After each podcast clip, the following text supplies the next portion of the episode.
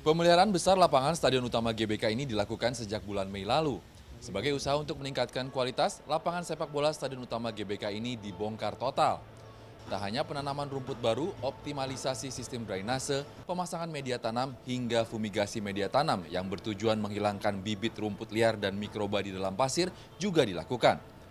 Menelan biaya lebih dari 5 miliar rupiah, pemeliharaan besar di lapangan sepak bola Stadion Utama GBK ini memang sudah perlu dilakukan. Apalagi sejumlah event besar sepak bola akan digelar di stadion yang juga dipakai pada gelaran Asian Games tahun 2018 lalu. Dari 2018 hingga sekarang belum pernah terjadi pemilihan besar.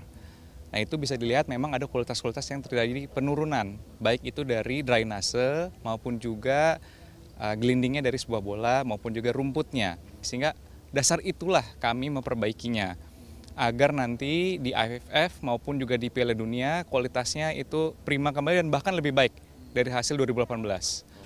Pihak GBK juga sudah berkoordinasi dengan FIFA dalam melakukan proses pemeliharaan besar kali ini.